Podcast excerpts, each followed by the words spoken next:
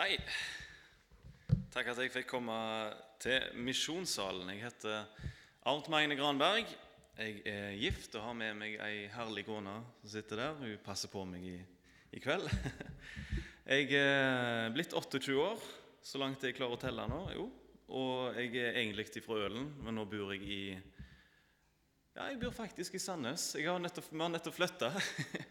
bor bort på Sandve, så det var faktisk ikke så lange beten her til for meg. Ehm, jeg eh, er opprinnelig fra Ølen, så jeg har alltid fått hørt eh, når jeg fer rundt omkring, at det, det er bedre med Hvordan er det da? En, en, eh, en time i ølen enn en øl i timen, eller hva de sier. Men det, det er alt etter hvilken holdning du har.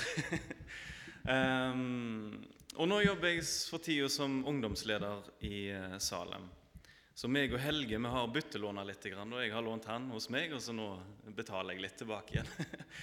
så, så kjekt å få komme her. Det var, det var godt å være her. Eh, veldig kjekt å se hvordan andre har det òg. Når jeg er litt sånn eh, står liksom fast i en streng i, på Salem og er mest der. Så det er kjekt å komme seg ut og se litt nye fjes. Eh, jeg har fått det ærefulle oppdraget å snakke litt om misjon. Og det er utrolig utfordrende. Og jeg har sittet i dag og tenkt og bedt og satt meg ned med dette her. Eh, og jeg tror før jeg går videre på det, så tar vi bare og ber litt. Kjære Jesus, takk at du ønsker å møte oss med ditt ord. Og jeg vet, Jesus, når jeg sitter på et møte og skal høre på en tale, så tenker jeg at Jesus, må du si noe til meg. Og jeg kjenner Jesus nå at du må tale til meg. Må du tale til alle som lengter etter deg. Må du tale til alle som vil åpne seg for deg. Og Jesus, vi trenger deg nå. Dette her er, hviler ikke på mennesker, men det hviler på at du ved din nåde kommer inn her og tar bolig i oss, Herre. Gjør ditt verk gjennom oss, og tal gjennom meg, Jesus. Amen. Eh, jeg satt og tenkte på det her nå. At misjon handler veldig mye om hvordan jeg og du ser på andre mennesker. Har du tenkt litt på det? At eh, om du skal gjøre en tjeneste eller si noe til noen om Jesus, så er det veldig grunnleggende om du er glad i det mennesket du snakker med, om du bryr deg. Jeg vet hvordan det er å være redd for mennesker. Og jeg kjenner på det fortsatt den dag i dag av og til. Men jeg har òg erfart hvordan Jesus kan få meg til å elske mennesker. Og jeg syns det er så fantastisk, den historien når Jesus eh, møter en blind mann i Betzaida. Han er helt blind, og Jesus legger hendene på ham. Og Så åpner han øynene litt, og så spør Jesus hva, hva ser du for noe. Og så svarer han jeg ser mennesker, og, og de går rundt omkring som trær. Og Hvis du tenker på 'Ringenes herre', toen Hvis du har sett det der eh, tre, tre monstre de, Jeg ser mange nikke, kjenner igjen den filmen der. De tre monstre som går rundt omkring og eh, styrer på. Det er ikke så kjekt å se at mennesker ligner på trær. Det er litt skummelt. det. Eh, dette her handler ikke om menneskefrykt, denne historien. her. Jeg vet at eh, Det har ingenting med det å si. Men han så på mennesker som trær. Og Jesus måtte legge hendene på han en gang til og spurte han, 'Hva ser du nå?' Og så svarer han, 'Jeg ser, jeg ser alle klart.' Han så alle klart sånn som de var. Men han så mennesker som lignet trær tidligere. Dere ser nå på en mann som har hatt diagnosen menneskefrykt. Før så styrte hele livet mitt ut ifra hvordan andre mennesker tenkte om meg. Jeg var livredd for Tenk hvis jeg blir et mobbeoffer? Tenk hvis at eh, folk ikke kommer til å like meg etter hvert? Tenk hvis jeg ikke får gode venner som kan ta vare på meg? Og motsatt, selvfølgelig. Alt dette her har jeg gått og tenkt på i så mange år av mitt liv og blitt styrt av.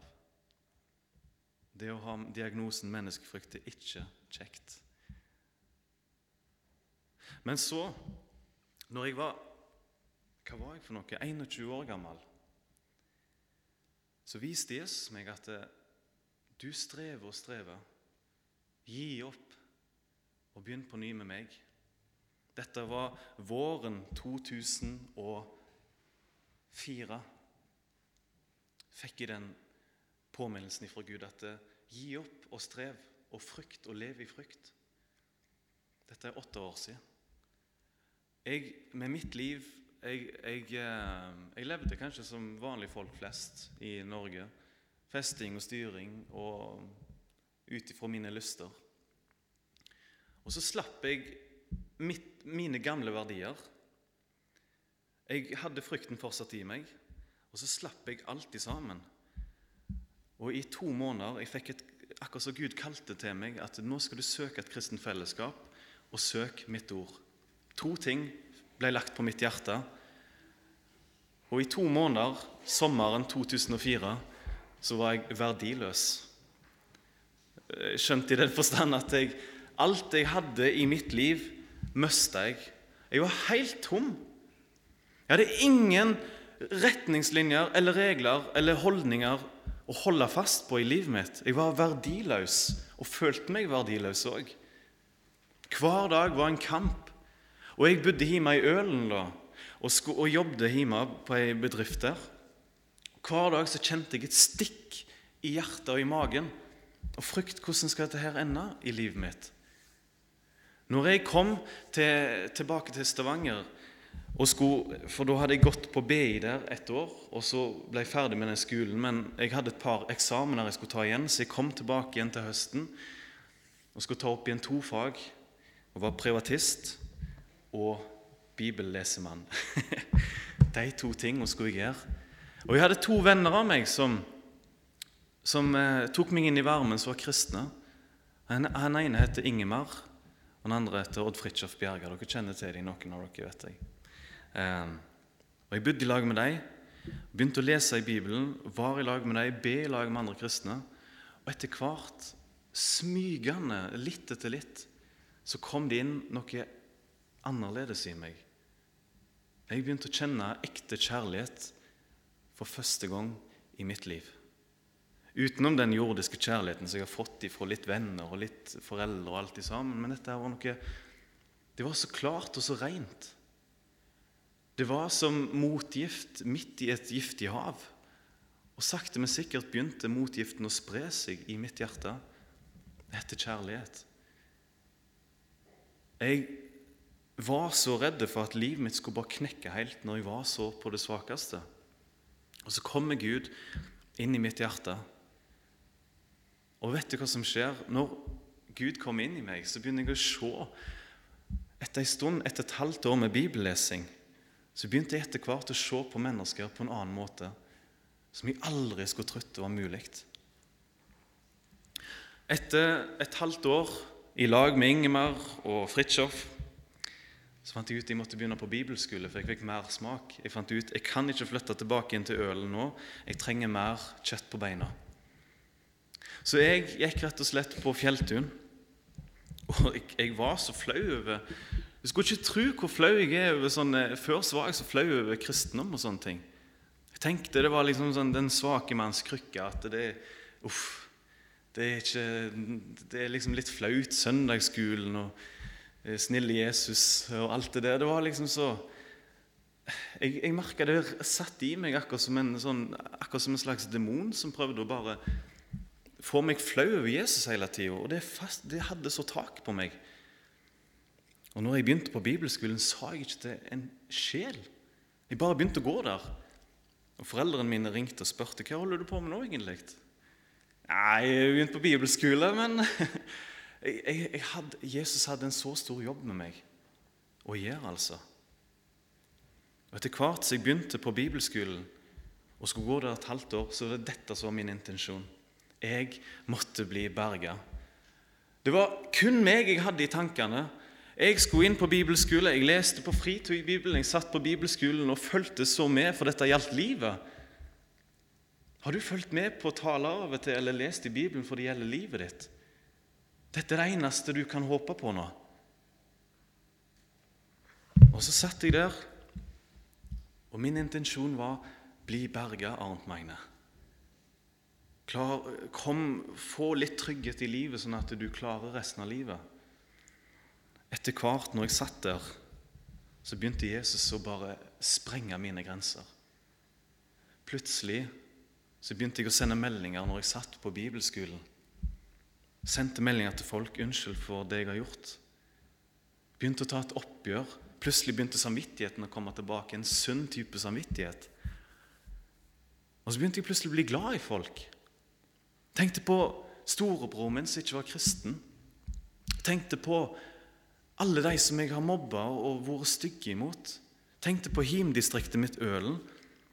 Tenkte er det mulig å gjøre godt igjen for alt det vonde jeg har gjort og skapt?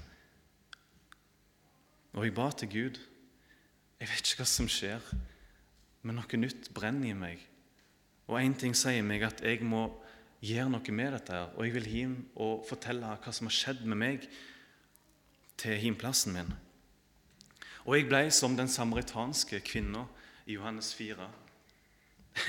Det gjaldt mitt liv. Jeg trengte å få mitt liv berga. Og når livet mitt ble redda, jeg fikk det levende vannet, så måtte hun samaritanske dama bare springe inn. Det har skjedd noe spesielt. Hennes intensjon var å bli berga sjøl. Men hun måtte bare fortelle det videre. Og Jesus han, han hørte den bønna.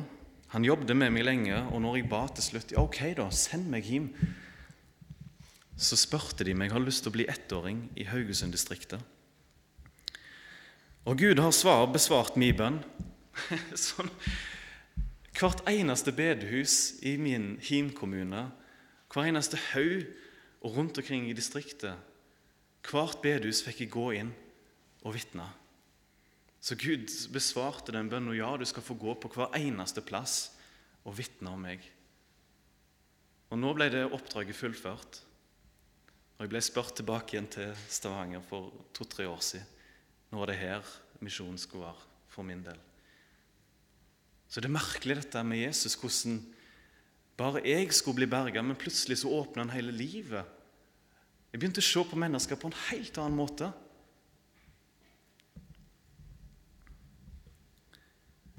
Og så har jeg oppdaga én ting.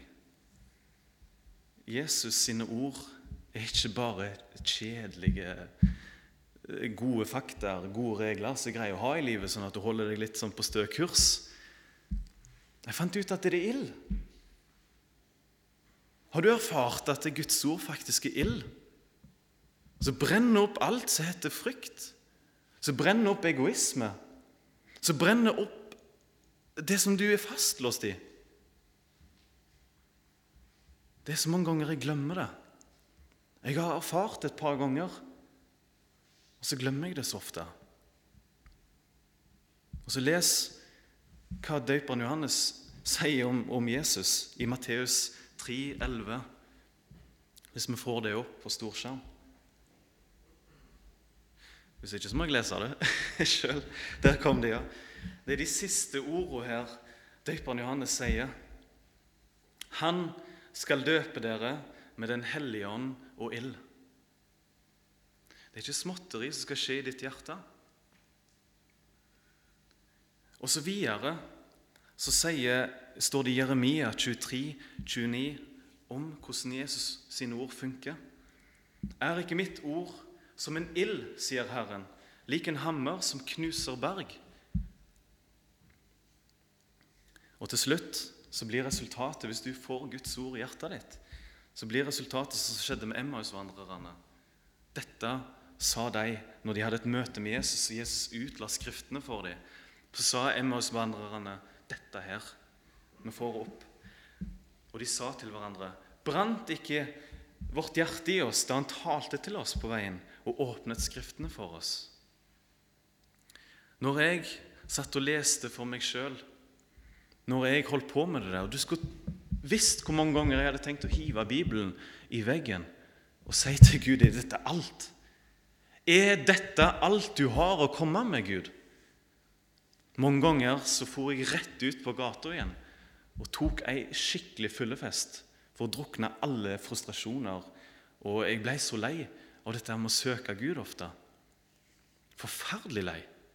Er dette alt du kommer med? Men Gud kalte meg videre.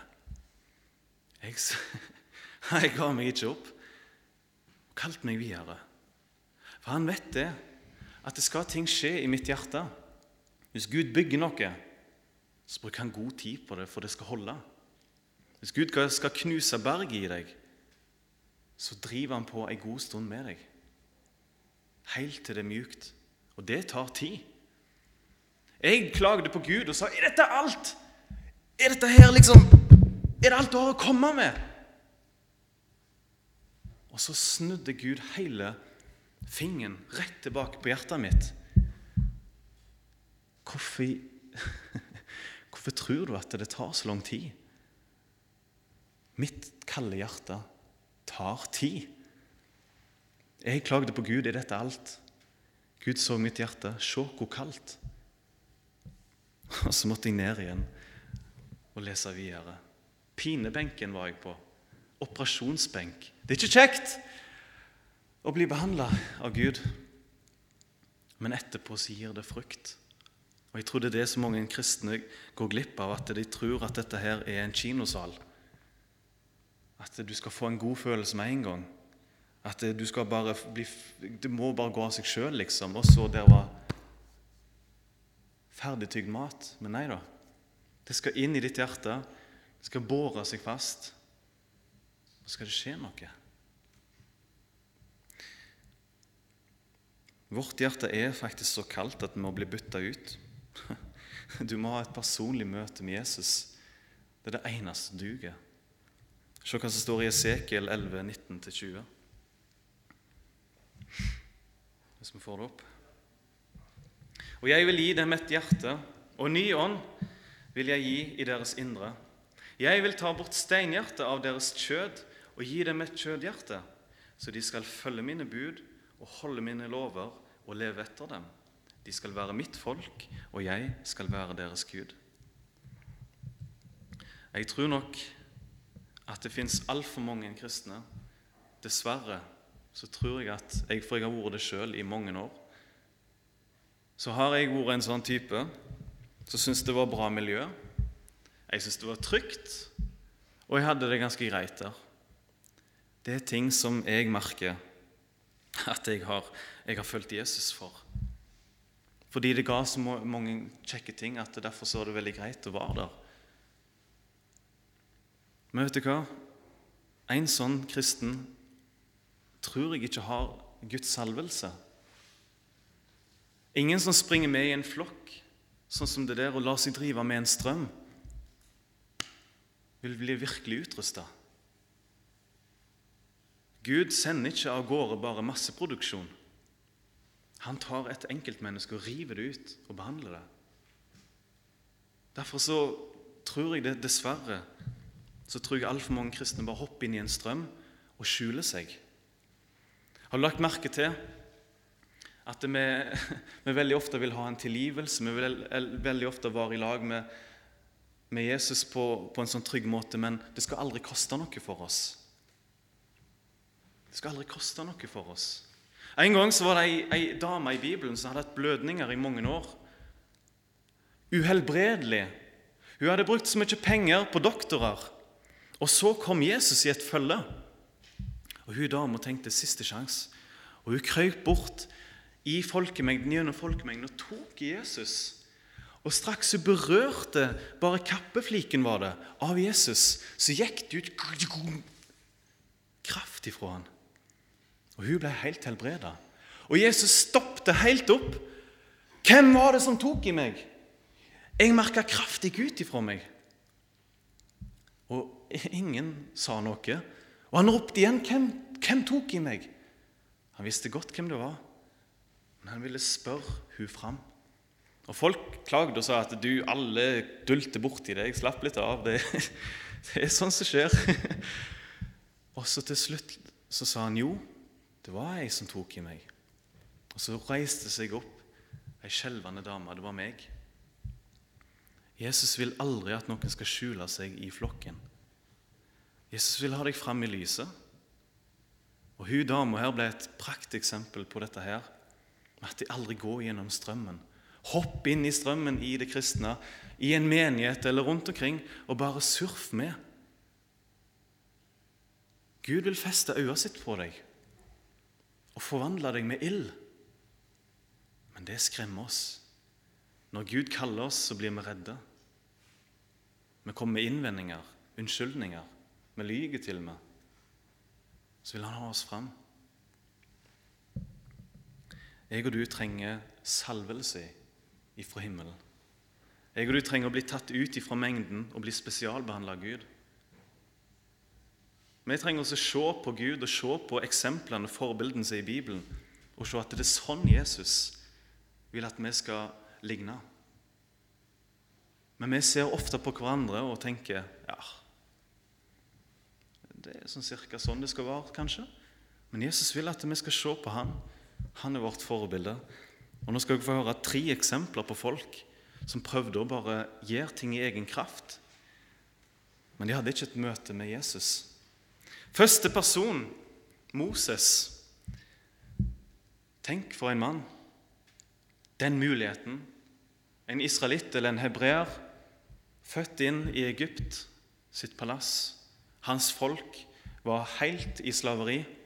Og Han gikk ut og så til sine egne, og han trodde i sitt hjerte at 'jeg er den som skal redde dem'. Men han ville gjøre det i egen kraft. Og Han gikk ut og så at en egypter og en hebreer slåss og tenkte 'her er en mulighet, jeg skal redde dem'. Og Han gikk bort og slo egypteren i hjel og prøvde å skjule det. Dagen etterpå ble han oppdaga, og så måtte han rømme ifra Egypt. Han gjorde ting i egen kraft. Han var en kristen som handla ut ifra han sjøl hadde produsert. 40 år seinere, 80 år gammel, så kalte Gud på Moses opp til Sinai-fjellet, eller hvor enn det var. Og så møtte Gud Moses som ild i en tornebusk og forvandla hele livet. Og da sendte Moses, Gud Moses ut med salvelse. Han hadde fått et personlig møte med Jesus, med Gud. Livet var forvandla. Det var ikke lenger i egen kraft, egne tanker. Men nå var det Gud som ledet han. Videre skal vi se på Gideon. Vet du hvordan vi møter Gideon først? En mektig kriger som står i dommerens bok. Han, han, før så var han ikke en mektig kriger. Vet du hva han var for noe? Han var en israelitt, en fra Benjamins stamme, og de var okkupert av andre, andre, et annet folkeslag i Israel. Vet du hva han gjorde? Han gjemte seg. Han drev og jobbet nede i ei grop og treska hvete. Og gjemte seg så folkemengder ikke kunne se han. Han var liksom skjult. Der var han, redd og ynkelig. Og så kommer Gud, stiger ned til han, og så ser han han, og så ser han at Så sier han at 'Reis deg opp, du mektige kriger'. Og Der ser det ut som Gud bruker ironi, faktisk. At Gud kommer akkurat og sier at hva, er det du holder på med å gjemme deg sånn for? Og Så kaller han for en mektig kriger, og jeg tipper han gjør det med et glimt i øyet. Men han har litt rett i det òg, for Gud ser potensialet i Gideon. Og i neste øyeblikk så sier Gud til Gideon, 'Gå av sted så sterk som du er.' 'Jeg skal sende deg, og du skal redde Israel ifra midjanittenes hånd.' Han kommer med masse innvendinger. Han føler seg svak. Men han har fått et møte med Jesus. Han har blitt salva. Nå går han så sterk som han er. Neste person vi kan se på, er Jakob. Jakob var en mann som Navnet heter bedrager. Navnet betyr bedrager. Og Jakob han var arrogant, og han var falsk. Han snylta og snuska. Og en dag så kom Gud ned til ham. Og Gud slåss med ham hele natt eller dag eller hva det var. Hele tid. Og han var så sta. Å, fytti grisen, så sta Jakob var. Jeg og du kan òg være litt stavete, av tror jeg, i møte med Guds ord. Skal vi gi Gud rett? Eller skal vi følge vår egen tanke og oppfatning? Til slutt så fant Gud ut at eneste måten jeg kan få han i kne for meg, er at jeg må knuse han. Så Gud tok og smukka til hofta, så den datt ut av ledd, og han falt pladask. Og da sa Jakob, da sa Gud til han, 'Hva er ditt navn?' Og Da måtte han bekjenne og si at 'jeg er Jakob'. For tidligere hadde han utgitt seg for å være en annen, sin bror, og lurt seg til fødselsfødselsarven. Og Så måtte han begynne helt på ny, og så ble han velsigna av Gud. Og for all sin tid så halta han og ble merka av Gud. Jeg har blitt merka av Gud. Jeg har fortjent å bli knust. Helt på en annen måte enn Jakob, selvfølgelig. Men den bønna som har vært verst for meg å be Jeg har alltid opplevd mye vondt etterpå, og det er Gud, knus meg. Ydmyk meg. Etterpå så ble Jakob ydmyk og ekte. Det var ikke en fasade lenger. Det er problemet med mange av oss kristne at vi skal være så perfekte. Det er litt ironisk at uh, vi som sitter her, sant? Uansett hva menighet vi går i, og menighet rundt omkring, så merker jeg at uh, det er veldig lite rom for svakhet. Dette er jo et sykehus egentlig skal være for svake og for de som trenger hjelp. Kommer du inn på sykehuset, så setter du deg aldri ned og bare Ja, går det bra med dere, eller? Og så, Du setter deg liksom aldri ned der på venterommet og spør ja, hva trenger du. Nei, jeg trenger ingenting. Jeg Jeg bare er her. Ingen kommer inn i en menighet og sier at jeg, jeg, jeg har det greit. jeg. Alle trenger hjelp. Og så vet jeg det at vi går veldig ofte fram. Jeg legger merke til bare å se på vitnesbyrd òg. Vi har så mye å gå på dette med svakhet. Når vi har vitnesbyrd, så er det ofte sånn at ja, 'I forrige måned da hadde jeg det vondt.' Men så leste jeg i Bibelen litt, og så ordna det seg. Så Gud er god. Så setter vi oss ned. Veldig sjelden så hører jeg 'Kan dere hjelpe meg?' Jeg har det ikke så lett nå. På den måten med vår svakhet skal Gud komme fram. Og så kan folk få se hvem han er. Alt det du trenger, jeg og du trenger, er et personlig møte med Jesus. Sånn at vi blir som Moses, avhengig av Gud. At vi blir som Gideon, en mektig kriger. At vi blir som Jakob, en som er ydmyk og ekte. Alt går ned til dette her, at du må få ild i ditt hjerte. Og du må til slutt si som Jesaja, ha den holdningen 'Jesus, her er jeg, send meg'. Når du får en brann i ditt hjerte, når Gud får jobbe med deg, så er det én viktig ting du skal huske på, som jeg har lært mange ganger og tabba meg ut på. Hvordan forvalter du Guds kraft og kjærlighet når Gud først møter deg og gjør noe med deg? Esekiel tar opp den faren med å høre og ikke gjøre. Hvis vi får opp noen vers i Esekiel 33, vers 30-32, så står dette her. Og du menneskesønn, ditt folks barn taler sammen med deg ved veggene i husdørene, og alle sier de til hverandre, Kom og hør hva det er for et ord som kommer fra Herren. Så kommer de til deg i store skarer. De setter seg foran deg som mitt folk og hører dine ord, men de lever ikke etter dem. Med sin munn taler de mye om kjærlighet, men deres hjerte har, har lyst til urettferdig vinning. Se, du er for dem som en som synger kjærlighetsviser, en som har vakker røst og er dyktig til å spille på et instrument. De hører dine ord, men de lever ikke etter dem. Det er ganske treffende ord, egentlig. Det er så vanskelig å elske dine fiender. Det er så vanskelig å være mer raus enn å forvente å få ting sjøl. Det er så mange ting som er vanskelig, men så viser Jesus oss hva vi skal få lov til å gjøre, og hva, skal, hva liv vi skal få lov å leve. Og så skal du vite med en gang at Gud sår noe nytt og godt inni deg. Med en gang det skjer, Hva tror du djevelen finner på da? Han sår Han gjør akkurat det samme. Han sår noe, bare at det er noe vondt. Med en gang det stiger opp noe godt i deg, du har fått et møte med Jesus, og så sår djevelen med en gang noe etterpå. Det står om det om høstarbeiderne, at de var ute og sådde i Guds åker. Og mens arbeiderne sov og det vokste opp, så kom onde arbeidere, fiender, og sådde ut ugras. Og så sto de opp dagen etterpå og lurte på Oi, oi, oi! Så fortalte de det til sjefen, bonden, at det er masse ugras her nå. Hva er det som har skjedd? Skal vi ta oss og begynne å rive det vekk? De ble voldsomt opptatt av alt det vonde som var der. Men bonden sa nei, nei, nei. Bare la det være der.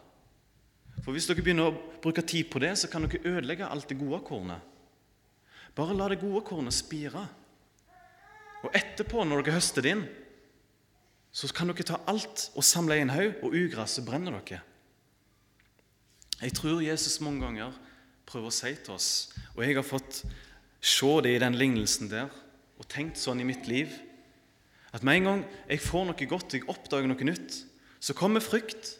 Og så kommer innvendinger og unnskyldninger, og så kommer det vanskelige ting på jobben, eller det kommer vanskelige ting her og der, og jeg tenker nei, jeg har ikke tid til dette her. Og så blir jeg kanskje mer opptatt med alt det negative og tenker jeg må få det vekk fra livet mitt. Da er jeg klar! Når alt er vunnet, når ting er perfekt i livet mitt, da skal jeg ta et nytt steg så det suser! Men vet du hva? Den dagen kommer aldri når du er beredt og klar til å gå, for alt stemmer nå. Hvis den dagen kommer, så vil jeg gjerne ha et intervju med deg og spørre hvordan i alle dager klarte du det? Hvordan klarte du å få alt til å stemme? At det bare til å gå rett på, og det bare suste? Jeg tror Jesus prøver å vise oss at vet du hva, ha fokus på meg nå. Ha fokus på meg og mitt ord, så skal jeg gjøre noe gjennom deg. Og alt det vonde som du ser rundt deg, det skal bare visne etter hvert. Ha fokus på det gode, så vil det spire fram òg. Det blir akkurat som når eh, eh, Josva og Caleb og ti andre speidere ble sendt av Moses og skulle inn og se på det lovende land. Inn og speide, rekognosere og gi rapport tilbake igjen. Hvordan ser landet ut? Hvordan er det? Og når de tolv fra hver stamme kom tilbake med rapport, så begynte den ene etter den andre å syte og klage at nei, det er altfor vanskelig.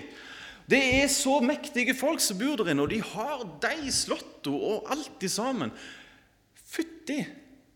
Og så kommer Caleb og hysjer på dem. Hysj med dere! Det der negative sprøytet skal vi ikke ha noe av. Josva og Caleb var de to eneste som så at her har vi mulighet. Gud kommer til å være med oss.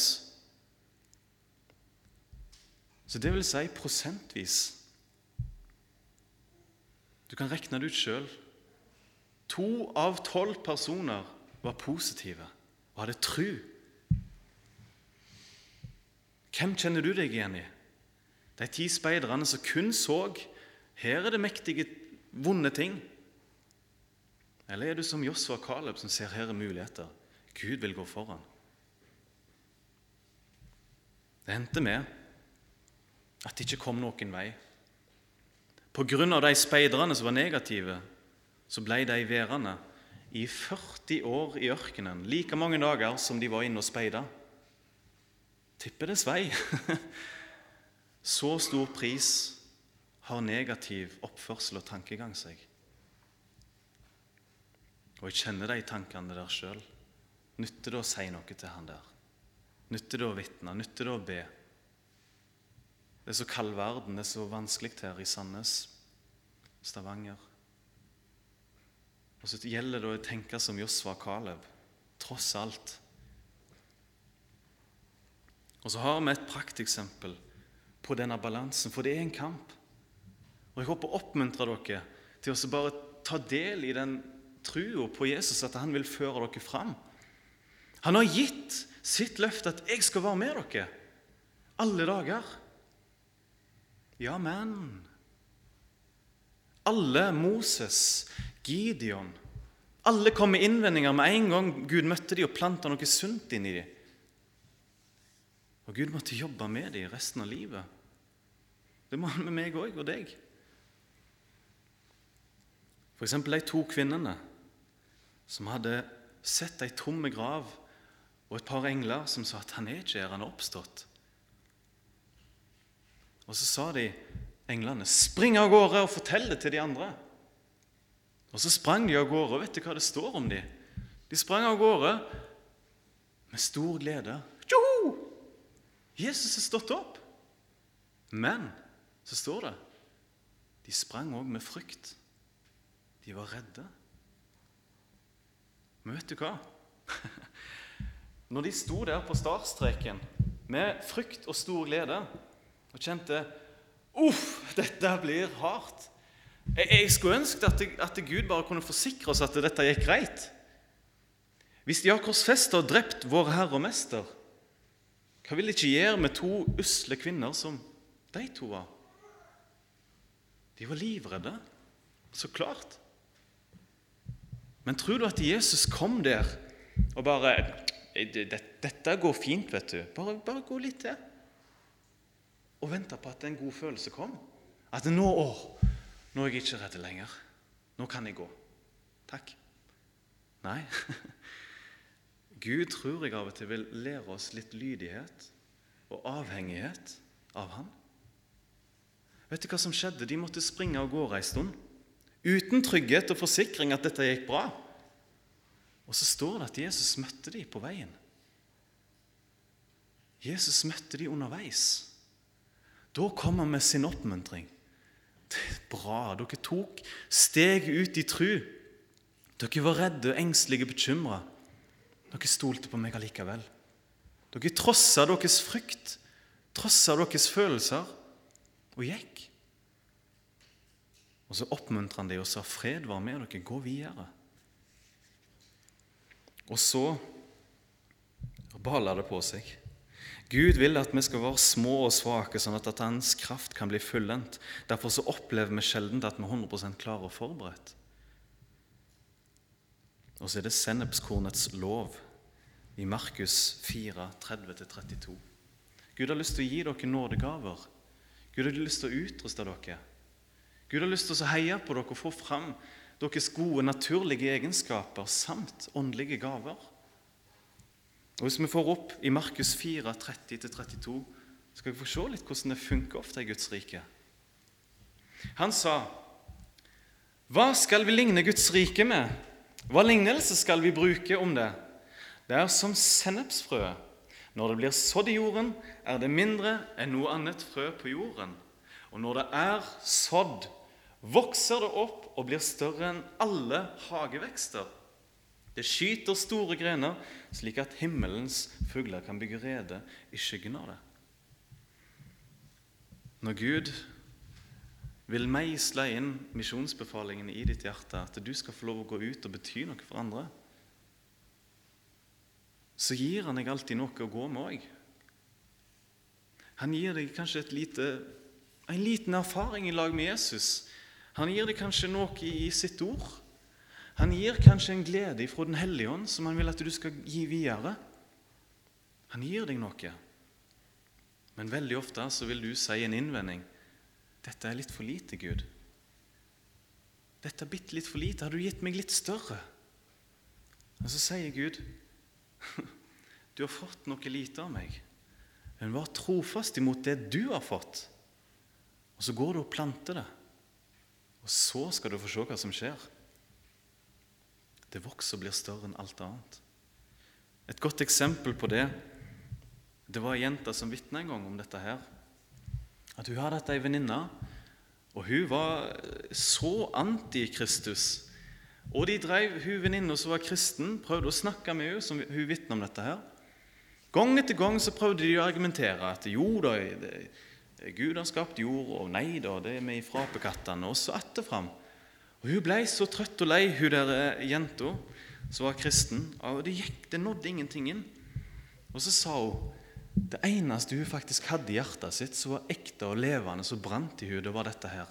Så sa hun Ja, men jeg vet i alle fall jeg elsker Jesus. Og da knakk hun der ateistjenta helt i sammen. Hun knakk. Og Gud brukte de tingene der, det enkle setningen 'Ja, men jeg elsker Jesus'. Så brukte Gud det og knekte ateisten. Det kom ikke en stor leksikon med 'sånn skapte Gud jorda'.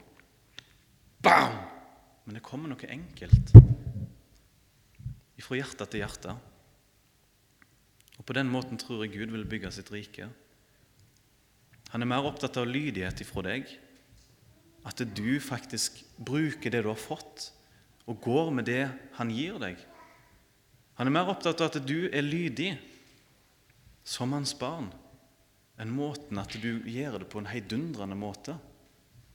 For Gud han kan skape hva som helst ut ifra ingenting. Gud skapte faktisk jorda ut ifra ingenting. Så når du foretar en lydighetshandling, så har Gud behag i det og ønsker å velsigne deg for det. Så jeg håper å oppmuntre dere til å ha tro på Jesus. Ha tro på at han kan forvandle deg sånn at du ser på mennesker på en helt annen måte. At det går ifra frykt til kjærlighet, ifra mismot til håp. Og så må Gud velsigne dere og bruke det du har fått, og vitne for både dine medkristne og for de som er der ute.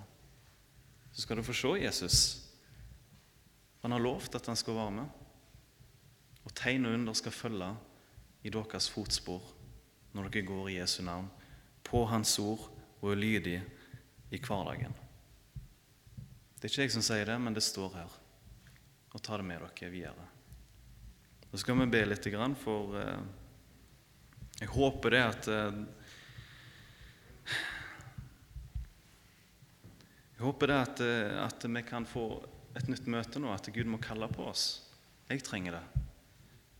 Så jeg trenger å be nå til Gud for min egen del at han må forvandle meg nok en gang. Kjære